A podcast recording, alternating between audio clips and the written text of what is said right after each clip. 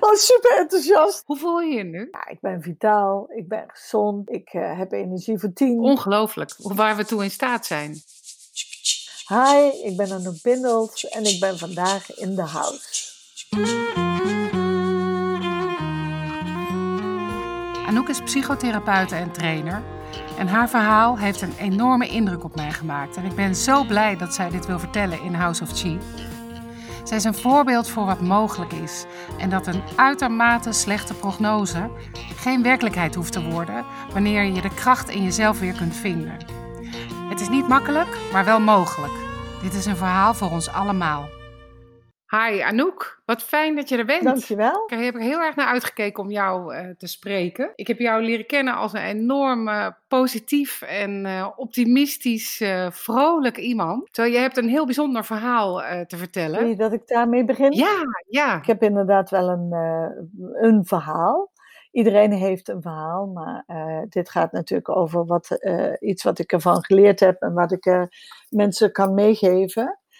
Uh, is dat ik uh, heel ernstig ziek uh, ben geweest en geworden na een ontzettend ingrijpend verlies in mijn leven. En dat gebeurde in juni 2007. Toen heeft mijn man besloten om zelfmoord te plegen en is van het een op het andere moment het huis uitgelopen en naar een hoog gebouw in Amsterdam gegaan, daar van het dak afgelopen.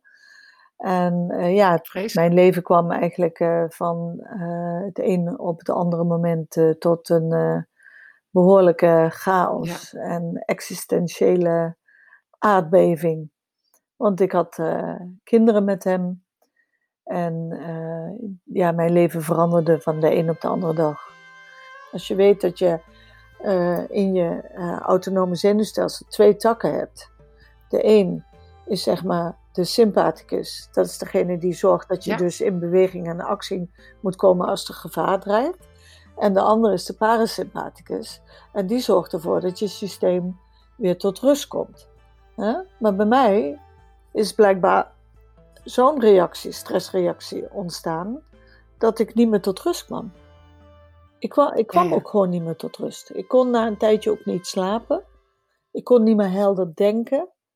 Maar ik kon ook niet goed voelen en erbij komen. Wat er nou eigenlijk met mij, wat ik moest doen. Of hoe, ik had, ik, er gebeurde iets heel vreemds. Nu weet ik dat ik in een shocktoestand zat.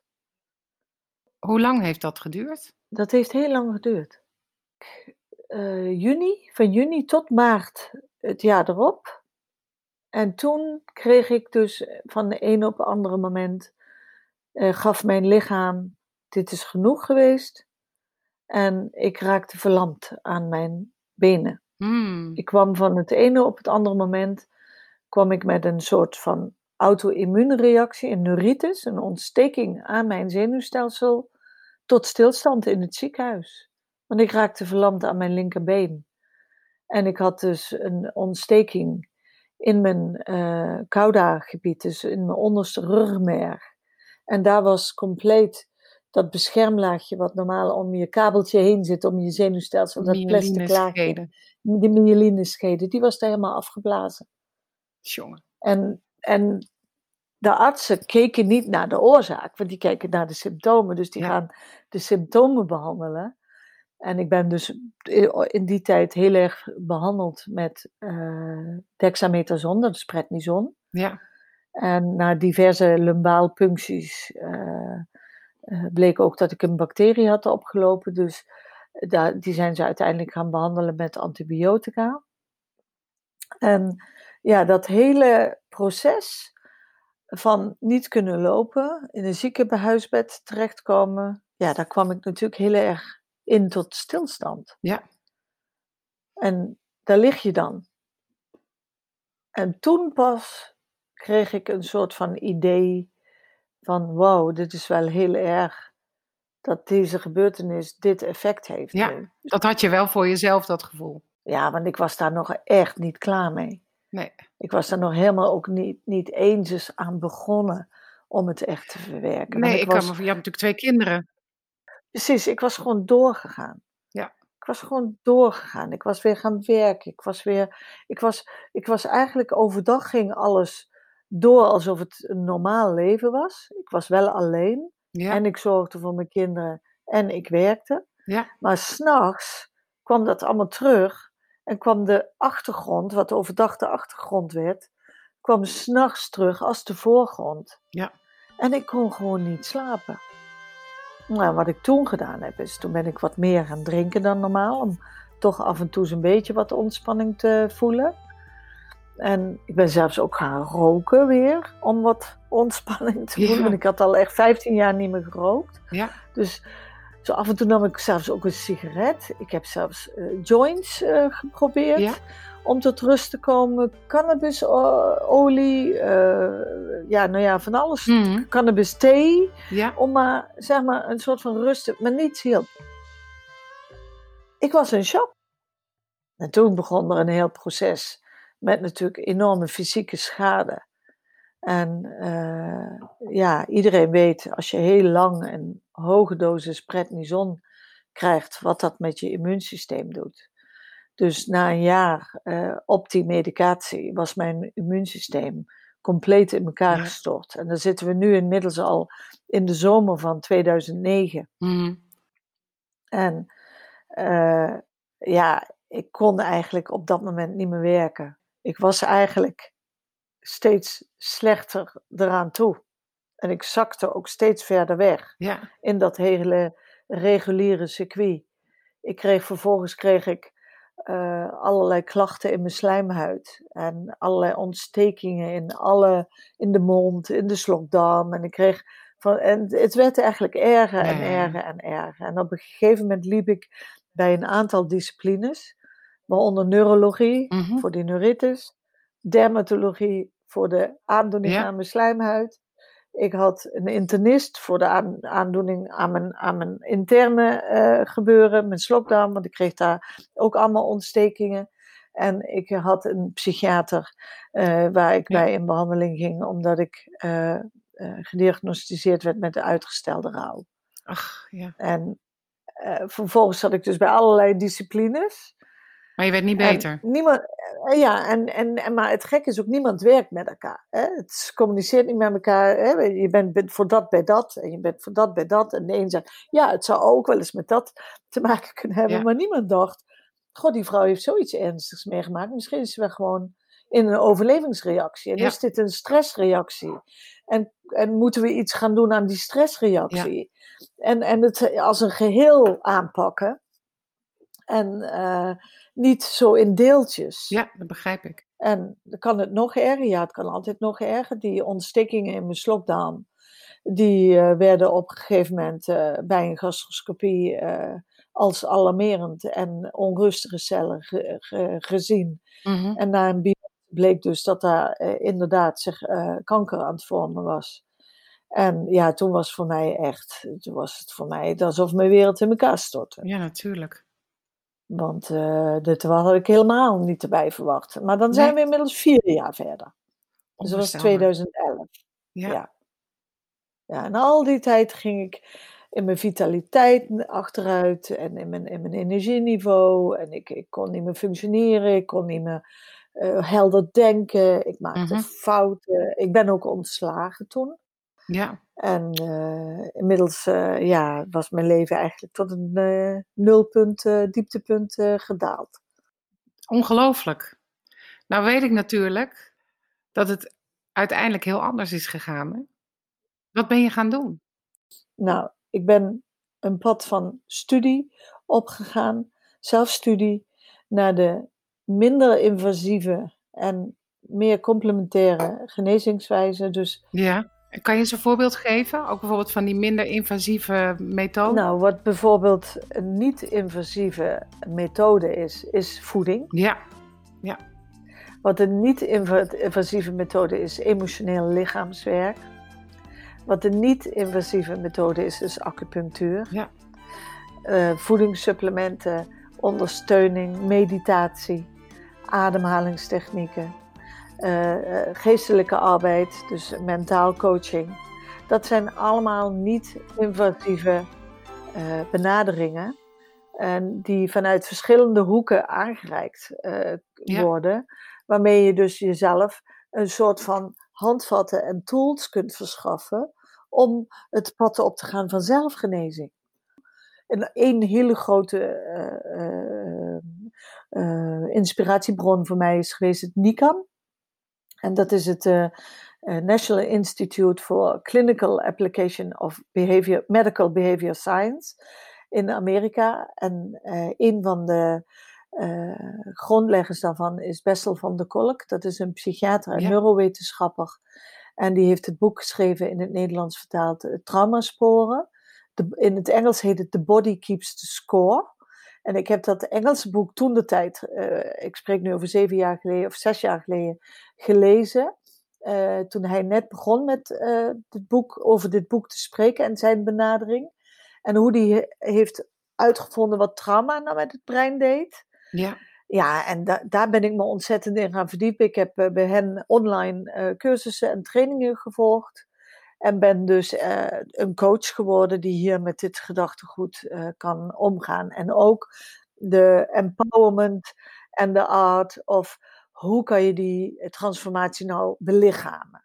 Je belichaamt op alle niveaus uh, waar deze podcast over gaat natuurlijk. Over dat dat inderdaad mogelijk is. Maar heel praktisch, jij bent, daarmee, jij bent toen begonnen daarmee, negen jaar geleden. Hoe lang heeft het geduurd voordat je je beter ging voelen? Of voordat je hoe ging dat met het lopen of die slokdarmkanker? Hoe ontwikkelde zich dat? We spreken hier van januari 2011. Vervolgens ben ik in dat jaar ben ik heel veel workshops gaan doen en bij Joe Dispenza. En Joe Dispenza uh, werkt heel erg met meditaties dus als je iets wil leren van hem, dan gaat dat via meditaties en ademhalingstechnieken. En dat ben ik het eerste anderhalf jaar heel erg intensief eh, gaan doen. Ik ben naar heel veel van zijn workshops gegaan. Ik heb heel veel aan zijn meditaties gehad. En omdat ze ook allemaal gericht zijn op weer gezond worden. dus geestelijk, mentaal en emotioneel gezond worden. Vanaf welk moment ging je je dan beter voelen? Het had bij mij echt anderhalf jaar tijd nodig om het hele proces om te draaien. en ik wil ook tegen iedereen zeggen, als je zo'n proces gaat, wil gaan omdraaien, dan kost dat tijd. Wat maakte dan dat je daarin doorging? Omdat ik een emotionele verlichting voelde. Hoop kreeg. Oh ja? Ik kreeg een soort van emotionele energie uh, met hoop erbij. Met een, een, een, een, een, een verlichting erbij. Zo van, oh, er is dus een weg. Ja. Er is, dus ik kreeg weer hoop. Dus ik kreeg een sterke emotionele impuls om, om dit pad op te gaan. Omdat ik ook voelde van, dit, dit gaat helpen. Ik herken dat van mijn eerste acupunctuurbehandeling bij mijn rug. Dat ik ook dacht, dit voelt anders. Ja. Precies. Dus dat was het. Het gevoel van, wauw, dit, dit, en het gaf zo'n opluchting, het gaf zo'n ruimte. En natuurlijk, toen ik uit die meditaties kwam, was het gewoon een levende nog. En was ik nog steeds die kreupele vrouw. En was ik nog steeds uh, de, de, de vrouw uh, met haar zonder man en met haar kinderen in de puberteit alleen aan het opvoeden. En voor alles verantwoordelijk. En wat er ontzettend zwaar op mij heeft gedrukt. Maar ja, ik had toch een, een, een concept ik had een concept gekregen van een soort van onderlinge verbondenheid. Lichaam en geest wat samen kan werken. Uh, een in, ingenieus uh, netwerk waar, waar, ik zelf dus meer invloed op kreeg. Dus ik, ik, ik, merkte ook dat ik proactiever werd. En ik merkte ook dat ik mijn genezing eigenlijk de jaren daarvoor uit handen had gegeven. Dat is zo belangrijk, vind ik. Je genezing is echt, dat is je eigen dat, dat is van jou. Het is van mij. Ja, en dat kun je, dat kun je ook. Ja, maar ik had het uit handen gegeven. Ja, en, en zo begrijpelijk. Ja, want ik was natuurlijk bang.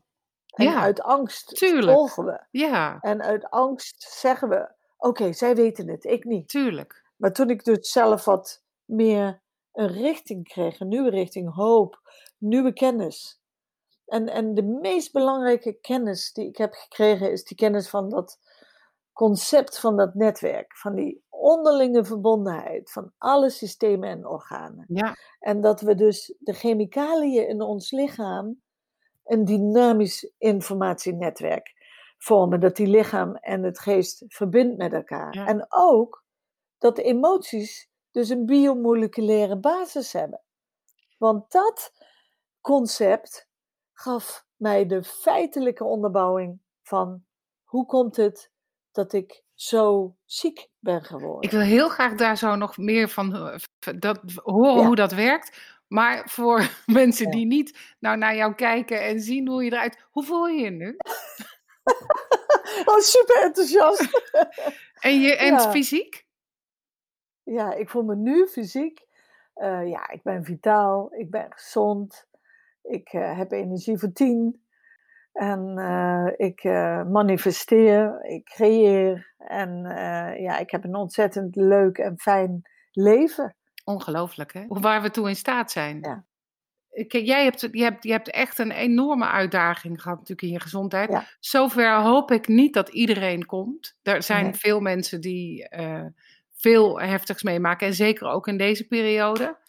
Maar we zijn allemaal, hebben we die dingen wel in het klein. Of het idee dat we pijnstillers moeten gebruiken. Of dat, ik zeg niet dat je nooit een pijnstiller mag gebruiken. Maar het gemak, ja. wat gaan wij doen die niet zo heftig eraan toe zijn? Nou, kijk, ik, ik wil je één ding zeggen. Dat weet jij als acupuncturist en energiegenezer zeker. Is dat er heel veel chronisch zieke mensen zijn. Ja. Kijk, bij mij kan je heel duidelijk zeggen, oké, okay, gebeurtenis acht maanden later door de hoeve heen. Hè? Ja. En snap je? Ja. Maar er zijn heel veel mensen die heel veel lange, heel chronische klachten hebben. Ja. Die chronische staat, die is eigenlijk nog veel erger. Ja. Want daar is het nog dieper en onbewuster ja. van. En wat kunnen we doen? Wat kunnen we doen? Is het ja. pad van de complementaire geneeskunde ook omarmen. En de energiegeneeskunde. Mm-hmm. Want de Chinese geneeskunde en de uh, Ayurveda, ook een hele oud genezingssysteem, mm, zeggen ja. allemaal dat emoties en gedachten energie zijn. Ja. En dat deze energieën ons lichaam beïnvloeden. En dat we, als wij ons bewust worden van onze emoties, ons denken, ons handelen, en we daar een iets meer verheven gebeuren, uh, emoties naartoe brengen, dat we onszelf kunnen genezen door middel van onze eigen frequentie te verhogen. Wat zijn manieren waarop we dat kunnen doen? Meditatie. Meditatie is een manier. Ademhalingstechnieken. Acupunctuur. Voeding. Ontspanning. Wandelen. Yoga. Dat zijn naar de sauna. Dat zijn allemaal dingen waarmee, waarmee je eigenlijk je energielichaam weer kunt voeden. Maar ook je fysieke lichaam. Ja. ja, jij noemt dat heel mooi hart en brein, hè? Kan je daar wat meer over vertellen? Ja, dat wil ik best uh, vertellen, want het hart heeft een eigen brein, heeft een eigen neuraal netwerk. Uh, voordat vaak uh, gebeurtenissen al plaatsvinden, heeft het, kan het hart al de informatie ontvangen hebben. En die stuurt een signaal naar je brein. En het brein stuurt een signaal naar het lichaam, waardoor je het zo gaat voelen. Wat ik daar uh, zo interessant vind, is dat jij heel veel, je hebt inderdaad verdiept en geschoold in die nieuwe wetenschappen die dat zien. Hè? Kwantumfysica, ja, uh, klopt. neurowetenschappen, HeartMath. Het is eigenlijk de, de, de westerse of de, de moderne wetenschappelijke vertaling van uh, bijvoorbeeld mijn studie Chinese geneeskunde. Ja. Waar dat samenkomt, is daar ja. Daar word ik zelf ook zo, dat vind ik zo, dat is zo prachtig. Ja, dat is echt prachtig. En het is ook goed dat dat nu samenkomt. En dat we de, de, de dingen van de, zeg maar de wetenschap, van de Chinese geneeskunde, van de Ayurveda en van de andere oude genezingssystemen ja. en scholen, dat we dat nu wetenschappelijk onderbouwd krijgen. En dat de mensen het zichtbaar gemaakt krijgen door meetinstrumenten. Ja. Ik gebruik zelf dus ook de EM Wave Pro, dat is het HeartMath meetinstrument. Ik gebruik een Russisch biofeedback uh, meetsysteem, waarin mensen dus echt direct kunnen zien wat de invloed is van hun gedachten en emoties op hun fysieke en energetische lichaam. En ja, hoe meer we dat zichtbaar kunnen maken, hoe meer mensen ook uh, dit pad kunnen kiezen om te zeggen: oké, ik ga dit toch ook eens voor mezelf toepassen. Hè, meditatie. Dat werd altijd een beetje afgedaan als, als uh, niet essentieel. Ja, als ontspanning. Of, uh, maar ja, precies. Precies. Ja. Hoe essentieel het is om een meditative mind te hebben. Ja. Voor heel veel dingen. En gelukkig komt het meer en is het meer uh, gemeen Ja. goed geworden en geaccepteerd. Maar ja, toch in, in mijn vakgebied eh, ben ik toch heel lang ook wel een beetje de roepende in de woestijn Ja. geweest. En, en, en nu hoef ik me met hele eh, conventionele dingen ook niet meer uiteen te zetten. Ik heb mijn eigen pad gekozen en ik heb me ook losgemaakt Ja. van alles wat eh, in die richting eh, zich heeft bewogen. En voel me vrij om nu ook vrij hierover te spreken. Welke mensen, welke mensen gaan naar jou? Welke mensen bezoeken jouw workshops? En welke mensen komen in jou, bij jou voor coaching? de mensen die de workshops bezoeken, dat zijn echt mensen die iets willen leren voor hun eigen professie. Dus dat zijn coaches en professionals die de hart- en brein coaching eh, eh, benadering eh, willen leren en toepassen in hun eigen praktijken. En de mensen die voor individuele sessies komen, dat gaat echt over de interpersoonlijke dingen. Eh, die waar zij mee worstelen, waar ze in willen groeien. En dan heb ik eh, ja, mijn eigen aanpak. Dan werk ik met meditatie, dan werk ik met ademhaling, werk ik lichaamsgericht, werk ik eh, met eh, mentaal coaching, met emotie, eh, emotionele intelligentie ontwikkelen. Dus dan zijn, en ook wel met eh, het lichaam erbij betrekken. En daarin werk ik weer in een netwerk van allemaal specials, zoals jij. Dat ik dan kan zeggen, nou, hey, je hebt al een tijdje deze chronische klachten. Ik denk ook dat er in je energiesysteem iets vastzit wat ik niet alleen maar zo eh, eh, kan eh, oplossen door bijvoorbeeld, ik werk zelf ook met de emotiecode van Bradley Nelson. Ah, ja, ja, ja. En nou, daar ben ik practitioner in, dus die gebruik ik ook. Hè, waarmee je emoties, vastgezette emoties in het energielichaam leert te releasen. Dus ik werk met verschillende benaderingen, buiten Ja. protocollen om. Gewoon echt te voelen, wat heeft die persoon nodig? Want dat is ook mijn eigen De- ervaring. ja. Ik heb negen jaar heling gedaan. En ik heb in die negen jaar gemerkt, het is het hele complete Ja. plaatje. Het is een complementaire Ja. benadering. In al die dimensies waarin wij leven, moet je aan het werk. En is dat, blijft het hard werken? Nee, nee. Nee? Is het soms ook leuk? In het begin was het tegen de stroom in. En ook wel moeilijk. En ook wel struggles. En ik heb ook wel momenten gehad dat ik dacht van, houd dit nou nooit op. Dan kom je op een gegeven moment in een staat waarin het eigenlijk ook heel oké is. En ook leert omgaan met dingen die dan Ja. ook even niet goed gaan. Snap je? Want ik heb inmiddels handvatten en tools, dat als het minder goed gaat, ik toch veerkrachtig kan blijven. Moeten we elke dag nu om vier uur opstaan om te mediteren? En eh, mogen we geen wijn meer drinken? En eh, mogen we alleen nog maar macrobiotisch eten? Nee. Nee. Nee, want ik zeg je één belangrijk ding. Is je kan heel erg macrobiotisch eten. En elke dag heel gezond eh, leven. Als je dan nog op dagelijkse basis frustratie, irritatie, haat, woede, jaloezie voelt, hele negatieve oordelen over anderen hebt en niet in harmonie leeft met ook een intelligente emotionele staat die daarbij hoort, dan gaat dat jou ook niet redden. Ja. Het meest belangrijke is emotionele en mentale en gedragshygiëne. Is dat je, is dat je barometer? Of je, je meter? Ja, ja, dat is echt mijn barometer. Ja. Waar kunnen mensen hier informatie over vinden? Ik denk dat het goed is dat jij en ik een lijstje eh, maken van waar kunnen mensen de informatie vinden. Met de boeken die ze kunnen gaan lezen. Met de meditaties die ze kunnen vinden. En ik denk dat het mooi is als ze dat zo Ja. op een rijtje kunnen krijgen. En dan mensen eh, het kunnen zien en dan voor zichzelf gaan kiezen. Dat is een heel goed idee. Dat gaan we doen. Fijn. Dankjewel Anouk. Nou, super. Jij ook bedankt. Dankjewel voor een heel fijn gesprek.